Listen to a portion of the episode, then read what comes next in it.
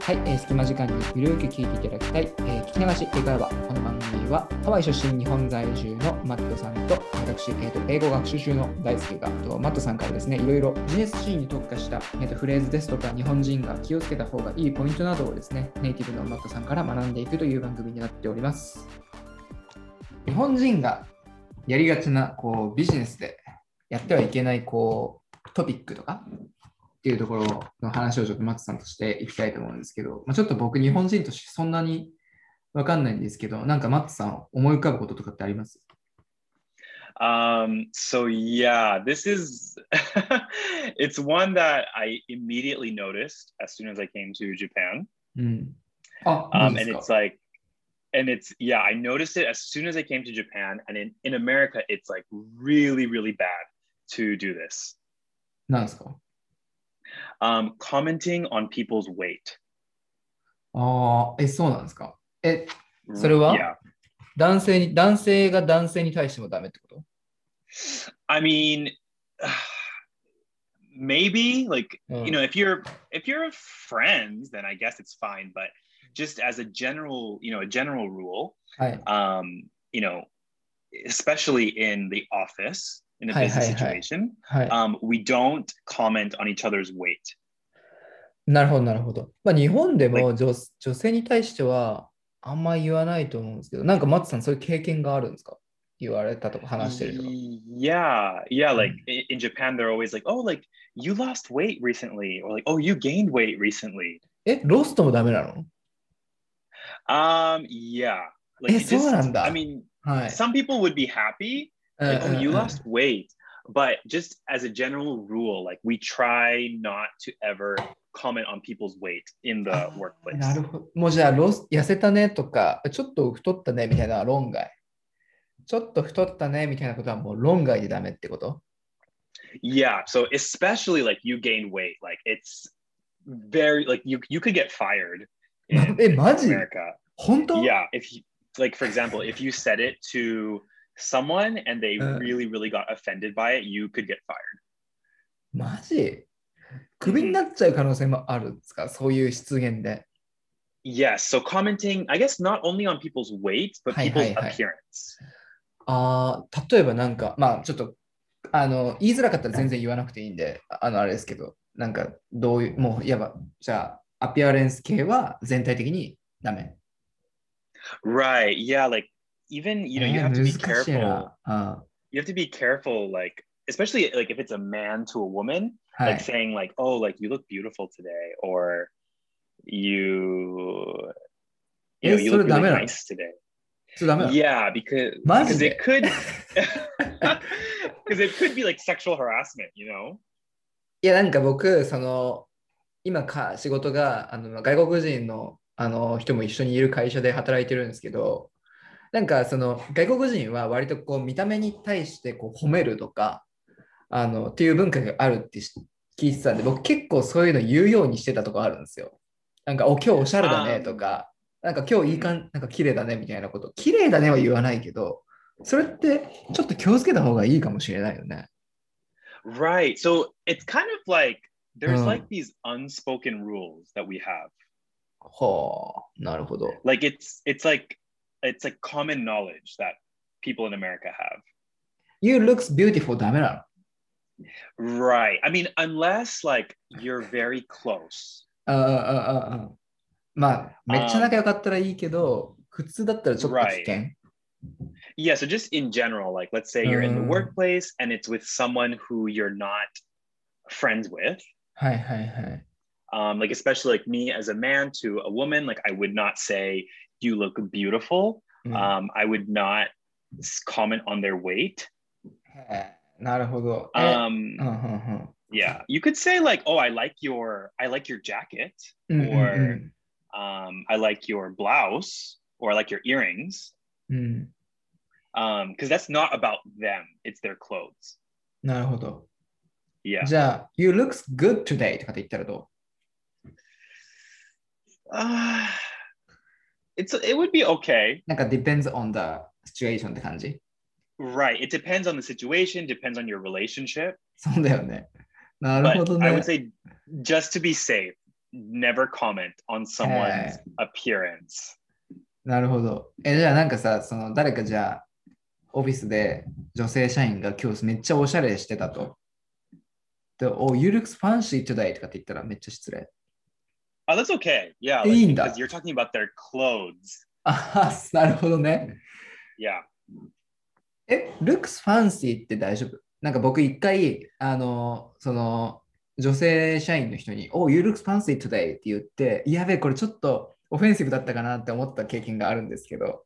Um, I think that's okay because you know you're it's about their clothes. Like, oh, your hi, outfit looks really fancy today, or um, you know, I really like your jacket. It's really fashionable. ああ。え、じゃあ、服装はいいとして、じゃあ髪は髪型。その、Hair is also okay. Yeah. あ、大丈夫。Mhm, Yeah. じゃあ、その髪の毛、あ、今日、今日髪型いいねみたいな。I like your hairstyle はどう Yeah, that's also okay. あ、大丈夫。いや、まあでも、just be safe って感じで、do not comment their appearances かな。Yeah, I would say just to be safe, especially when you're not like, you know, uh, you're not like a native うんうんうん in うんうん。American culture or Western culture. はあ、なるほど。そこはでも結構気をつけなきゃいけないですね。あとなんか.あるかなそのアピアレンス系以外にあるなんかこう気づいたこととか結構来るなみたいな感じたことある日本の文化で。Um, uh, it's not necessarily about Japanese culture, but also like for example, asking someone to uh, to hang out. Hi, hi, hi. Um, like for example, like you want to ask your coworker to have lunch with you. Mm. Um, so we can say like, do you want to go get lunch? Hi. Um, which is okay. Mm. Or do you want to get dinner? That's okay. Mm. Um, but if you say, will you go out to dinner with me? Hi Then it sounds like you're asking them on a date. ああ、そうなんだ。 Yeah. So the key words are go out with me. え、will じゃないんだ。will がキーワードなわけじゃないんだ。 Uh, With okay, I guess me. maybe will. おう Uh, おう yeah, おうお it's う it's mainly go out with me. go out with me がそのパーソナルな感じがする。 It's yeah, it's like really personal. It sounds like a date, and it sounds like, you know, with me, just me and you together alone. へーああ、なるほど、なるほど。ちょっとじゃあそういう感じがするんじゃ。えー will, you, あ will you go out for dinner? Will you go out for dinner with me? って言った。 yeah, it sounds like a date. Sounds like a date か。じゃあ、why don't we go out for lunch with me は一緒 Uh, well, we don't need the with me because you said why don't we? あ、そっかそっかそっかそっか。そうだね。 Yeah, why Uh, don't we- we? with me をつけると、ちょっとこう、こう、クロースリレーションシップを望んでる感じがする。 Right, right. So let's Mm. say I'll give you two examples. So one Mm. is like friend and one is a date. うんうんうんうんうん。 So let's say I'm asking you, Daisuke. Um, so hey Daisuke, let's go to dinner tonight. うん。OK? Or Casual, hey eh? Daisuke, yeah. Or hey Daisuke, do you want to go to dinner? Casual. うんうんうんうん。Um, but the date is, um, hey Daisuke, will you go out to dinner with me tonight? 言い方。yeah, it's like a date, you know. ああ、でも、そうなんだ。いや、でもさ、そういうのって言っちゃうよね。その僕らってさ、そのネイティブじゃないじゃん。だからさ、言っちゃいそう、普通に。Would you like to go out for dinner with me? とかって言っちゃいそう、普通に。Yes. あ So 怖いわ。those are the those are the words to be careful of. Will you うん、go out with me? うん、うん、うん。なるほど、なるほど。外見についてのコメントはできる限り避けると。あとは、えっ、と、カジュアルなお誘いの時は、with me には要注意っていうことでいいかな。Yeah. So the key is go out and with me. うん、なるほど。他には大丈夫ですか Um, will you go out with me? Um, so mainly, or also like with with you. ?with you. with you も一緒な感じ、 Like for example, yeah, like I want to go to a movie with you. with you. まあね。まあ、 Yeah, そう so いう like,、そういう、そういう話のコンテキストで言ってるからわかるけど、でもなんか普通に言っちゃうよな、実際。わかりました。 ありがとうございます。ちょっとじゃあ、あの、でも結構そういうところはやっぱり外国の企業、まあ外国の企業って一括りにしちゃいけないかもしれないけど、結構センシティブだったりするんですね。right. Certain things are definitely, you know, sensitive and you have to be careful of.